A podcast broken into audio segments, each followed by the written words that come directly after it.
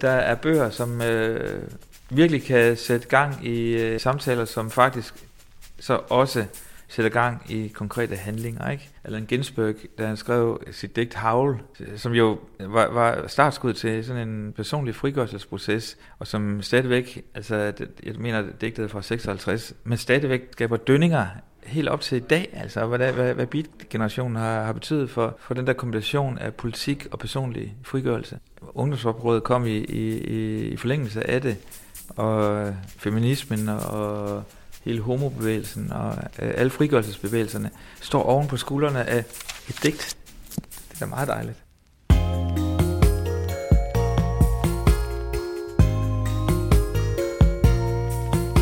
Velkommen til episode 6 af podcastrækken Litterære Anbefalinger, hvor jeg i samarbejde med to bogforelskede typer giver litterær førstehjælp til dig, der gerne vil læse mere og læse mere af det bedste og smukkeste og grimmeste og vigtigste, der findes derude i de litterære galakser.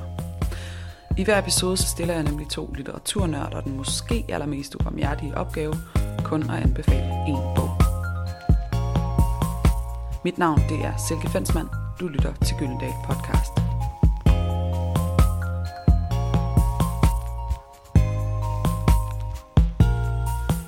I den her episode, der kan du blandt andet møde den unge forfatter Inde, som i 2016 debuterede på Gyldendal med digtsamlingen Lol Lita. En bog fuld af ungdom, ensomhed, bananer, squats, lol, liderlighed og internetsprog og en nu 22-årig alt mulig kvinde med værelset fuld af dyr. Ej, jeg, jeg elsker ting, så jeg siger meget. Og gamle ting og, og ting med dyr. Mit navn er Sofie Dimer, og jeg er, hvad jeg vil kalde en, øh, en alt mulig kvinde. Jeg laver øh, alt kreativt, tror jeg. Øh, Lige nu arbejder jeg som kommunikationsmedarbejder på Sydhavn Teater, hvor jeg også øh, skriver et månedligt show, der hedder Miss Sophie's Choice, som øh, handler om alt fra øh, pølsehorn til skinke til Donald Trump. Det er lidt af det hele. Øh, og lige nu, så sidder vi på mit værelse på Vesterbro, som øh, er fyldt med ting og, og, og dyr. Øh, og jeg tror meget, at det der med dyr er sådan et tema, jeg kører i mit liv øhm, som også har noget at gøre med den bog, jeg har valgt at snakke om i dag. Øhm, og vil du ikke fortælle lidt, fordi du har jo udgivet en bog på Gyldendal. Hvad, hvad, hvordan er du som forfatter? Hvad er det for en bog, øh, som, øh, som udkom her i 2016? Lol Lita, det er øh, en digtsamling, som handler om sådan en konceptperson, der hedder Lolita, som øh, på 90 sider gennemgår alle konflikter og tabuer, jeg lige kunne komme i tanke om, som en gennemgår på syv års teenage-liv og som også handler om dyr. Øh, og så kører den meget sådan noget sproglige billeder, der går i øh, vand, valer, ost og fugle. Øh, en meget konceptagtig bog. Jeg har meget, altså jeg tænkte meget, da jeg skrev den, som sådan lidt øh, min egen version af kende, kend din krop, at den er øh, hemmelingsløs og, og vild, og noget man skal kunne spejle sig i, og uden at den er, den er slet ikke dømmende. Hej så. Ja. Ja, kom du bare ind. Tak skal du have. Folketingssalen er over den ende, og vi skal over i den modsatte ende mod Rødebanen i okay. yderfløjen. Og så kan du møde en mand, der elsker kunst, kultur og litteratur, måske lige så meget som man elsker politik. Det er den tidligere kulturminister, oceaneren, socialpædagogen, forfatteren, iværksætteren og alt muligt andet, men ej at forglemme den politiske leder af Alternativet. Jamen, du siger bare til, når du er klar. Jamen, jeg er klar. Du er klar. Øh, jeg hedder Uffe Elbæk og er politisk leder af Alternativet, og vi befinder os på mit kontor på Christiansborg, på det aller yderste Christiansborg, det der hedder Ridebanen. Absolut det bedste sted på Christiansborg at befinde sig overhovedet. Uffe, hvordan vil du beskrive dit forhold til litteratur? Jamen, jeg er stor ynder af både altså fiktion og faglitteratur. En god blanding, synes jeg. Øh, og litteratur har jo, øh, altså gode bøger har fulgt mig lige fra, jeg var helt ung, altså teenager, og barn for den sags skyld. Og så op til i dag, hvor jeg er en ældre herre på 63. Øh, så, så litteratur har, øh, har virkelig betydet noget. Det, jeg har spejlet mig i det. Øh, jeg har, jeg har lært mig selv at kende. Jeg har fået mod af at læse god litteratur. Øh, litteratur har flyttet mig øh, personligt, men det har også flyttet sådan min forståelse af samfund. Så altså, jeg læser rigtig meget litteratur, når jeg har mulighed for det. Og hvad tænker du, øh, at litteratur kan tilføre politik, hvis man kan spørge på den måde?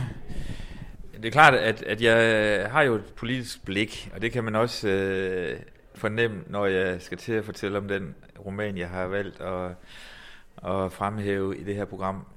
At øh, hvor der er ikke bare personkonflikter øh, eller øh, dynamikker i spil, men også øh, at man får en fornemmelse af, hvad der sker med den store samfundsfortælling. Altså øh, hvor det personlige øh, kan man sige, går hånd i hånd med en, øh, en personlig fortælling, går hånd i hånd med en samfundsfortælling. Det synes jeg, øh, det, det, det holder jeg rigtig, rigtig meget af.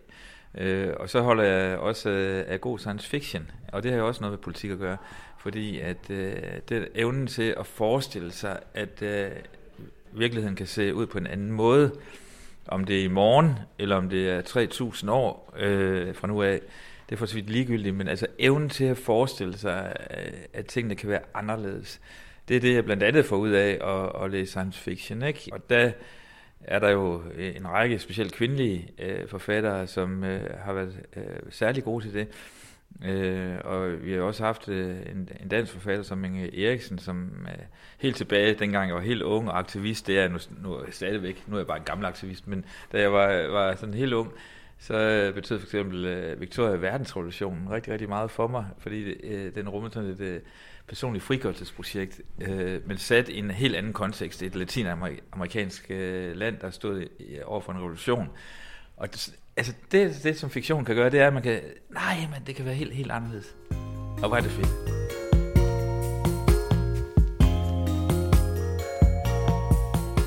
Jeg synes, det er super interessant, at du har været den på fordi den er så helt ny. Og, ja, ja, ja. Og på jeres forlag. Ja, det er jo glimrende. Det var så nok til langt. Det er så perfekt. det er Altså, jeg kan, jeg kan prøve at Øh, først så lige at sige lidt om, om øh, forfatteren. Altså, det er jo en øh, person, som øh, igennem øh, efterhånden flere årtier har været med til at fortælle øh, vigtige Danmarks historier. Øh, og vel at mærke Danmarks historie, som oftest foregår i en øh, politisk kontekst, men øh, altid også med en øh, primært en kvindelige hovedpersoner, som øh, forfølger deres øh, ambitioner og deres drømme, og dermed også en forfatter, som i min optik har en klar feministisk dagsorden.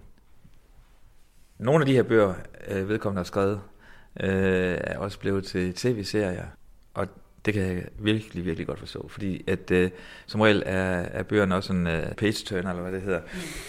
Så det, det er sådan meget filmisk øh, fortalte historier. Altså det er det i hvert fald for mig. Jeg får bare lyst til at ah, æde mig igennem meget, meget hurtigt. Øh, samtidig med at jeg bliver klogere både på, på, på personerne, men også på øh, det samfund og de samfundskonflikter, øh, historien rummer. Nå, vedkommende, og jeg må jo stadigvæk ikke sige, hvem øh, vi snakker om, så det er virkelig sådan en cliffhanger-interview, det her. Øh, det, øh, det, det er en historie, som øh, folder sig ud i en øh, nutid, øh, og øh, som tager øh, afsæt i en meget, meget tænkt, tænkt virkelighed, nemlig at øh, der bliver et virusudbrud, øh, som øh, får... Øh, voldsomme, voldsomme konsekvenser øh, for i første omgang øh, Danmark, øh, men også Europa og dermed også verden. Øh, og det er jo sådan en helt klassisk øh, øh opbygget historie, og som for øvrigt også har sådan nogle historiske referencer til en anden bog, som er meget gammel, øh, øh, som også handler om øh, sådan øh, sygdomsudbrud. Og nu er jeg næsten er det okay, at siger, hvad, hvad det er? jeg tænker, vi, vi kan godt øh, komme dertil, hvor du fortæller, hvad det er for en bog. Og så kan du måske også lige sige, hvad, hvad du tænker sådan om udfordringen, det her med at vælge en bog, som, øh, som man synes, alle skal læse, ikke? ud af alle bøgerne på planeten. ja, ja, ja. ja, altså, jeg vil så starte med at svare på det sidste. Ikke? Altså, jeg valgte den her bog, fordi den er aktuel. Øh, og at den, øh, øh, som sagt, er en øh, bravende godt fortalt, øh, meget dramatisk historie og som øh, giver et øh, samtidsblik på, hvad der er i spil politisk og øh, magtmæssigt i verden i dag, men fortalt igennem en, også en meget øh, personlig tæt fortalt øh, historie, som handler om parforhold, og om man overhovedet kan tro på den, man elsker allermest, øh, og kan man overhovedet tro på systemer, og kan man tro på dem, øh, på dem som har magten og træffer de vigtige beslutninger. Den egentlig har den sådan øh, politiske rødder i min optik helt tilbage til sådan 70'er feminisme, hvor man sagde, at det personlige er det politiske, og vice versa. Den hedder Som Pisten, øh, og er skrevet af Hanne Vibeke Holst. Og øh, det er en ordentlig mobbedreng. Jeg sidder her med den, den er virkelig, den er rimelig tyk bog. Ikke? Man kan næsten nærmest høre tyngden af, af bogen, når man lægger den på bordet. Ikke? Som sagt, så, øh, så er det en fortælling om en, en dansk læge, som hedder Karoline Branner, som øh, får et job i øh, Genève øh, i en, øh, i en øh, UN-relateret øh, afdeling af WHO. Det er tydeligt at mærke, at han Vibeke Holst øh, har brugt rigtig, rigtig meget tid på at researche øh, den verden, hun besk- øh, skal beskrive. Næsten i starten, synes jeg, at lidt i, til irritation, at detaljegraden er næsten for voldsom i, lige i starten. Så til jer læser, som måske går i kasse med at læse den her øh, roman, så skal I bare lige øh, have lidt tålmodighed. I skal lige sådan øh, 30-40 sider ind i historien, og så bider den der. Øh, så, så det er en, en, en, en roman, som øh, har et stort internationalt niveau. Øh, den fortæller øh, om, om en dansk læge, som sagt, som bliver ansat i sådan en epidemiafdeling øh, under WHO, og som øh, øh, får en opgave, som øh, lige så stille viser sig rummer nogle meget, meget, meget hæftige politiske øh, globale øh, konflikter, om øh, medicinalindustri, øh, om øh, mennesker, som kan få rigtig meget ud af at holde informationer tilbage, og med konsekven- dybe, dybe øh, sociale konsekvenser for de folk, som bliver, bliver smittet. Ikke? Og parallelt med det er der så en nærmest sådan en gyserhistorie, som kører parallelt med, nemlig at øh, Karoline, øh, Karolines mand, øh, kæreste, øh, kører dobbeltspil over for hende. Øh, og jeg skal nok lade være med at øh, røbe, hvad konsekvenserne er i forhold til det dobbeltspil. Men man har sådan en, øh, en nærmest klaustrofobisk øh, fornemmelse efterhånden, øh, når man læser sig ind i historien, at øh, den er fornemmelse af, at øh, der er nogen, der, der, der ser dig og følger dig, uanset hvad du gør. I det her tilfælde øh, vores hovedperson. Hun bliver overvåget, og hun bliver ikke øh, bare overvåget af en eller anden statstjeneste, øh, Nej, hun bliver overvåget og udspioneret af sin mand, så, så hun har fjenden helt ind under dynen, viser det sig. Øh, og det får som sagt nogle øh, meget, meget voldsomme konsekvenser for alle involverede. Øh, grunden til at vælge øh, den her bog, det er fordi, at øh, jeg synes, at Vibeke Holst om nogen har været god til at skrive samtidsromaner om det, der sker i Danmark og i verden lige nu fortalt på en måde, øh, hvor det ikke bliver belærende, øh, hvor det ikke bliver, altså hvor man får nuancerne og mellemregningerne i forhold til øh, de konflikter, der folder sig ud. Øh, så det er ikke sådan en entydig øh, good and bad, øh, men personligt blev jeg øh, under, undervejs i læsningen af bogen sådan lidt små irriteret over Karoline øh, Brander, øh, fordi hun i en eller anden optik, synes jeg, var, du burde se, hvad der foregår lige for snuden af dig, og du gør det ikke. Og så er det jo bare et fantastisk spejl i forhold til en selv, fordi er det ikke også det, der sker med, med os hver især? Altså, at vi burde måske have set noget, som, som øh, vi ikke reagerede på. Kan du sige lidt mere om, hvordan den sådan rammer dig personligt, den her bog? Altså når du nu vælger øh, den ud af, af, af alle øh, de bøger, du måtte Nå, have i din bogregion. Altså, altså... Jeg, jeg, for det første vil jeg sige, at, at heldigvis er verden fuld af rigtig, rigtig, rigtig gode bøger. Jeg kunne have valgt en anden men, øh, og jeg kunne have valgt mange andre. Men når jeg vælger den her, så er det bare fordi, at den rummer øh, mange, mange af de helt øh, principielle prof, øh, konflikter, som jeg, jeg også som politiker slås med i dag. Ikke? Altså, hvordan, øh, hvordan sikrer vi, at øh, de politiske øh, beslutningsprocesser er gennemsigtige, at folk kan kigge os over skuldrene og forstå, hvad pokker det er, der driver de øh, politiske beslutninger, der bliver truffet i de respektive kan man sige, øh, beslutningsrum, som enten et folketing er, eller FN er, eller WHO, øh, WHO er. Og så, så er det jo også en, en, en fortælling, som hvad der for det også øh, går igen i, i mange af de andre bøger, som øh, Hanne Vibeke har skrevet. Altså det der dilemma mellem øh, magt og karriere på den ene side, og så altså menneskelig ordentlighed øh, og det at følge sit hjerte på den anden. Og derfor øh, er det klart, at sådan en bog her, den, det er et stort spejl for mig øh, som politiker, når jeg arbejder herinde på Christiansborg. Men som sagt, øh, til alle jer, der, der hører det her program, gå nu ned og køb den her bog, eller lån den på biblioteket, fordi at, øh, det er en knaldhamrende godt fortalt, øh, fortalt historie. Jeg synes bare, det er så fedt, at der er nogle danske forfattere, som øh, tør give sig i kast med og, og fortælle gode historier om den tid, vi lever i lige nu.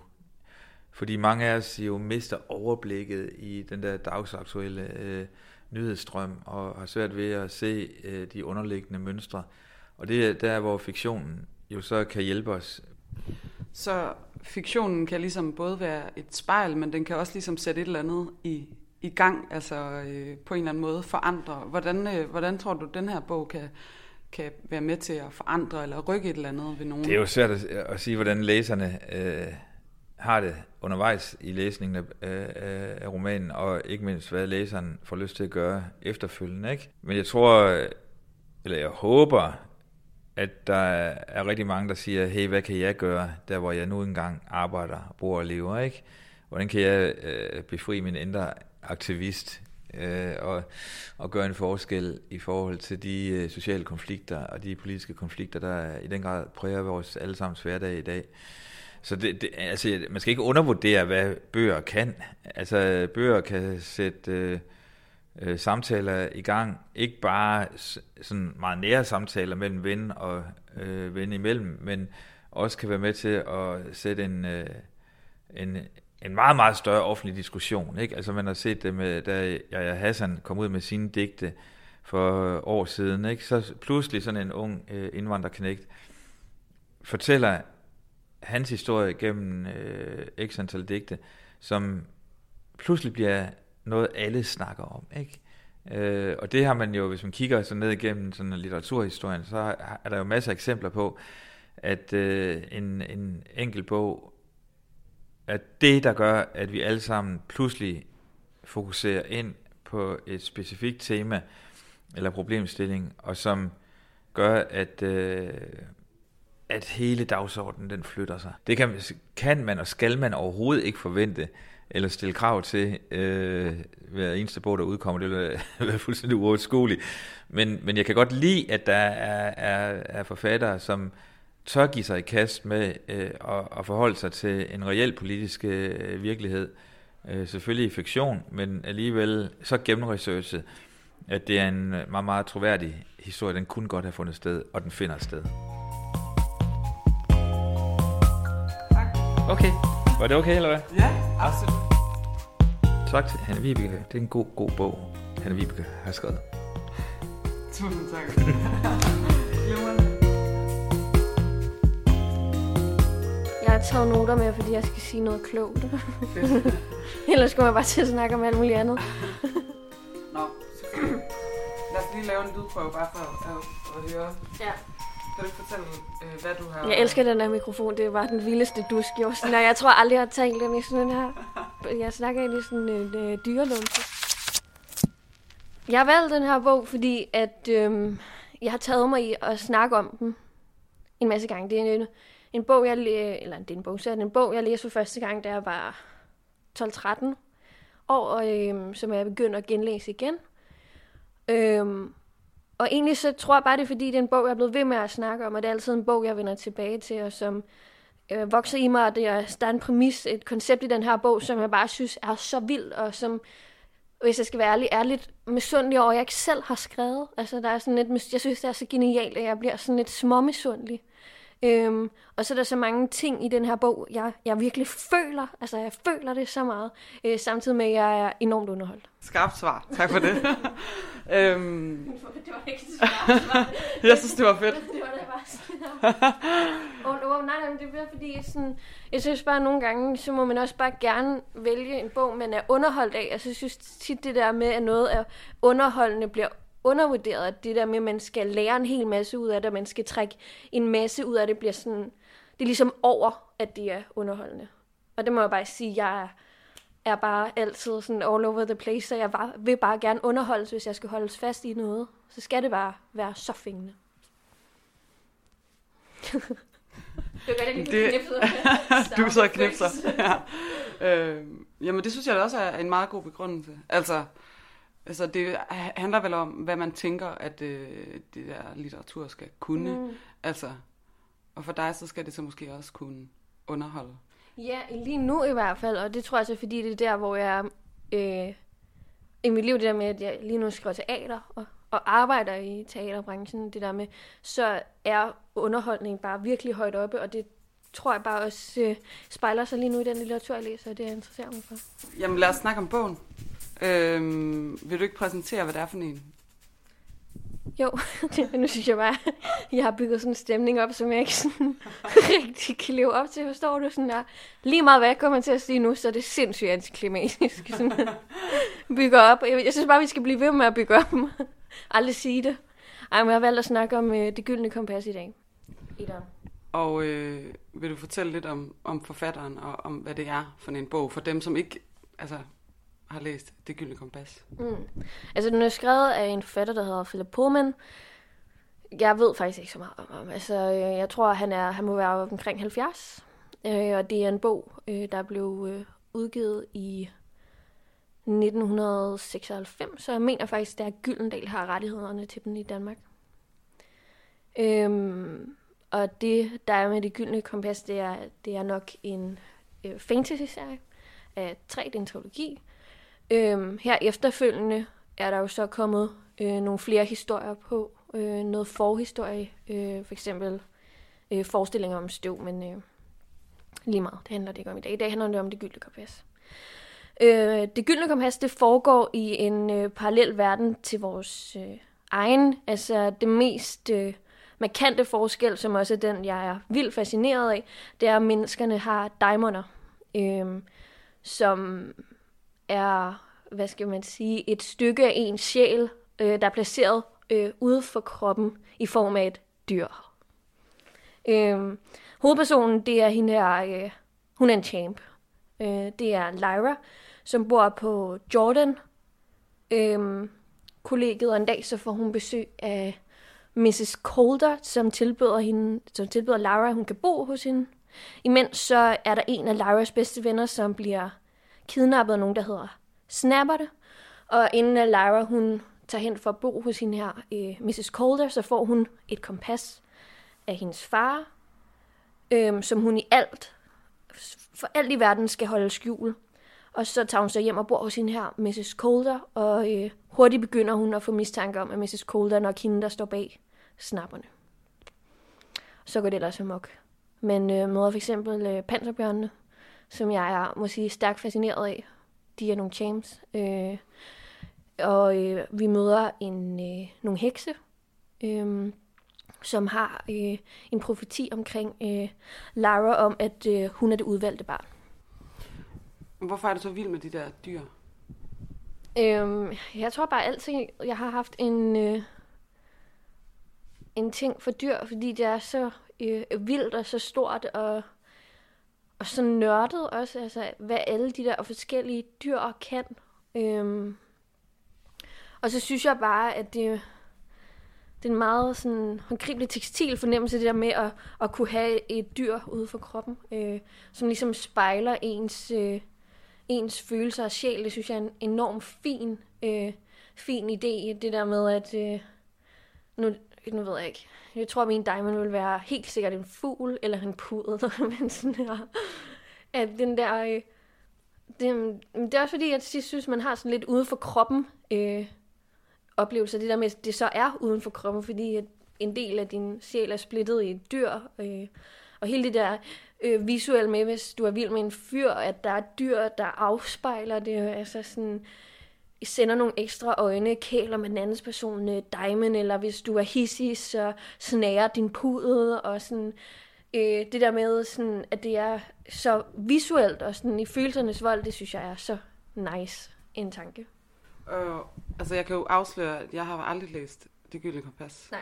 Øhm, du sagde sådan, det er lidt konceptuelt på en eller anden måde, at jeg har valgt det her. Hvorfor synes du, at alle skal læse Det Gyldne Kompas?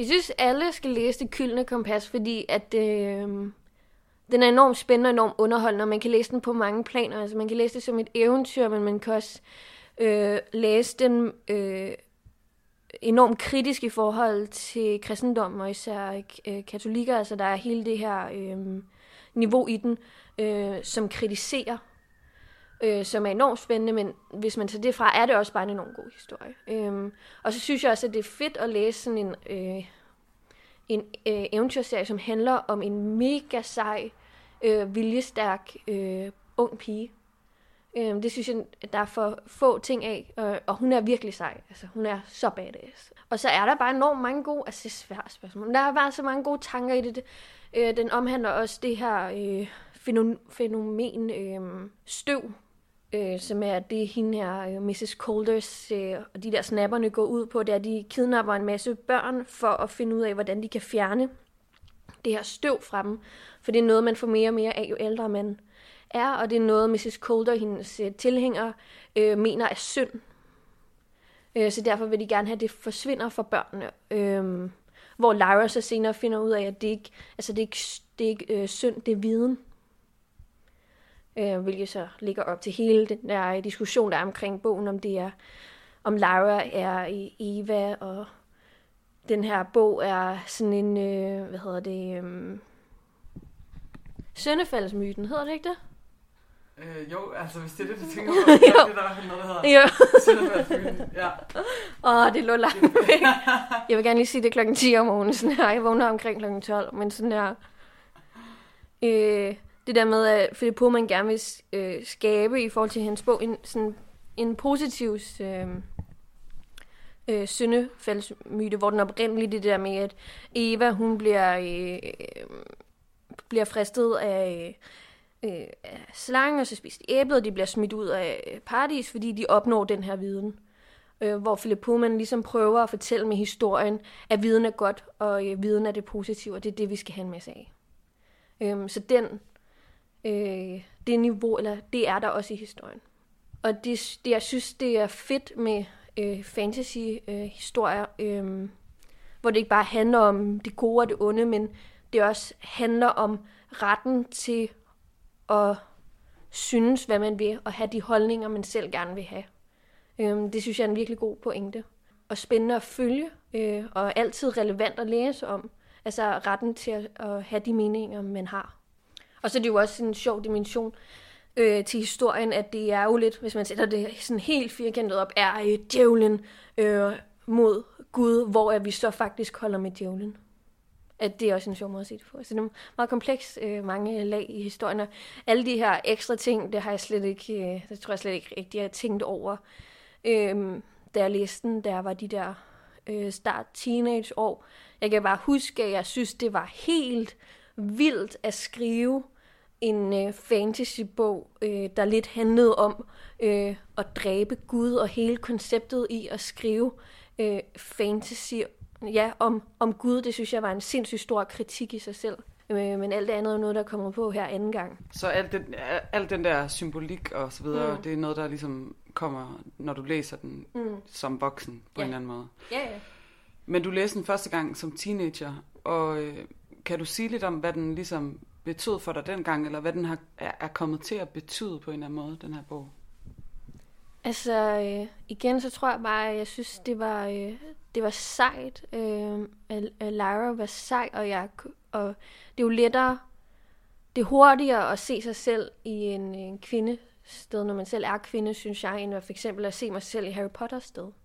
Altså, så det var fedt lige pludselig at kunne spejle sig i, øh, i en ung pige, og så tror jeg bare altid har haft det der med dyr, så det landede bare lige i mit hjerte med, at, det også, at der var så mange dyr, der blev nævnt hele tiden. Altså alle folk små, altså, og hun... Øh, og så øh, sådan det der, hele det der med håndværkere, de har små dyr, som de kan have i lommen, fordi ellers så kan dyrene falde ned. Altså alle de der små detaljer var, nej, var jeg enormt øh, fascineret af. Øhm, lige så meget tekst, men også visuelt. Altså, det er en bog, altså, da jeg læste, som jeg kunne se så tydeligt for mig øh, med hele det her univers, som også tror, jeg tror har gjort noget med, at jeg husker den, og jeg vil snakke om det, fordi jeg har så tydelige billeder inde i mit hoved. Altså jeg har fået sådan nogle stærke billeder af det. Det handler også om det der med, at det er ret øh, sjovt at læse de bøger, øh, man læste som ung. Øh, fordi der kommer et helt andet øh, niveau på. Altså jeg har virkelig haft en periode, hvor jeg har, har læst dem alle. Altså rigtig mange af de serier, jeg har læst som barn. Øh, rigtig meget øh, fantasy, noget øh, Skammerens datter og hvad hedder det, Djævling, Djævlens lærling og og det, det er sjovt, når man læser det nu som voksen, nu er jeg jo ikke helt voksen, halvvoksen, øhm, så øh, kan man lige pludselig se det lag, der også er skrevet til de voksne, altså ironien og, og humoren. Altså ting, jeg slet ikke har lagt mærke til, da jeg læste det første gang, og det synes jeg faktisk er ret sjovt og ret spændende. Øh, men også det der dykke ned, dykke ned i alle de ting, der egentlig har dannet ens øh, litterære grundlag. Det kan godt være, at det ikke er det, man sådan, jeg vil vælge nu, men alligevel så er der et eller andet nostalgi i det, og et eller andet historie og nogle, nogle billeder, der har formet øh, den, man lidt er nu, synes jeg. Så det, synes jeg, det, det, er, det kan anbefales lidt at læse de der ting igen. Så det er også lidt en form for anbefaling til at måske at gå tilbage og, mm. og læse noget. Altså, jeg, jeg, jeg må indrømme, jeg sad også og tænkte sådan, kan vide, om du altså, anbefaler en eller anden børnebog, sådan Peter Pedal eller sådan eller andet. fordi, du, øh, fordi du ligesom sagde, at det var sådan meget konceptuelt og altså, så videre, så videre. Øh, men det er en opfordring til ligesom også at tage fat på noget, som, mm. øh, som kan have en betydning øh, langt tidligere i livet, eller et eller andet. Ja, ja, og sådan, jeg synes bare, der er også, altså, ikke som, men jeg synes bare, at man knyttede en masse minder til det litteratur, man læste øh, som barn, mere end man gør nu. Altså, nu synes jeg mere, det er sådan, at, ja, det var en god bog, men dengang, puh her, der var i den periode i mit liv, og jeg kan huske, hvordan jeg gik rundt på mit værelse, og var sur over, at jeg skulle gøre rent om lørdagen kl. 11, og derfor så læste den her, og altså sådan, at der er bare nogle ting og nogle minder, der knytter sig til den øh, litteratur, jeg læste på det tidspunkt. Hvordan tror du, eller tror du, at det ligesom kan forandre en læser at øh, læse den her bog, eller genlæse den her bog? Ja, altså god litteratur sætter os altid øh, fast på en eller anden måde. Øh, og i god fantasy, øh, det, sætter, det sætter altid det der spørgsmål, hvad nu hvis? Altså, det bygger på en fantasiverden og nogle øh, dimensioner, og giver en lov til at tænke over ting og filosofere, og især øh, det gyldne kompas, synes jeg har rigtig mange af de der lag, øh, som stiller øh, de der hvad nu hvis øh, spørgsmål. Ja, og så synes jeg bare, ja, den er bare god. Den er bare øh, vældig god, ja. det, er bare en, det er bare en god bog. ja, det er godt. ja, det er godt derude. Peace, love and happiness. Nå, jeg, så jeg hører bare program og siger bare sådan, et, jeg vidste godt, hvad jeg ville snakke om for det ja. samme, ja. men sådan, det der med, at det kan hurtigt blive så fucking alvorligt at snakke om litteratur. Det bliver hurtigt så alvorligt og så højtidligt, og det er jo ikke, det er jo ikke sådan, alle læseoplevelser skal være, fordi så kan man jo ikke holde ud og læse bøger, hvis man skal se verden på ny hver gang. Altså, så tror jeg selv, at jeg vil blive sådan lidt træt i hovedet. Hvad var en god læseoplevelse? Altså, det er jo også noget, man vil give videre og anbefale. Jeg havde en virkelig god læseoplevelse med det. Det kan godt være, at verden ikke er fornyet, men hold kæft, hvor var det en fed læseoplevelse. Den synes jeg også, du skal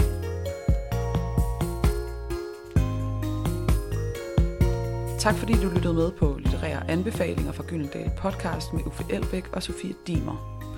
Hvis du kunne lide, hvad du hørte, så må du meget gerne gå ind og rate os i iTunes, hvor du også kan finde nye episoder.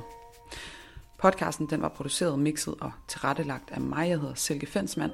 Musikken er lavet af Peter Christian Sejersbøller i podcastredaktionen er også Mara Ærmel og Sigurd Hartkorn Pletner. På genlyt.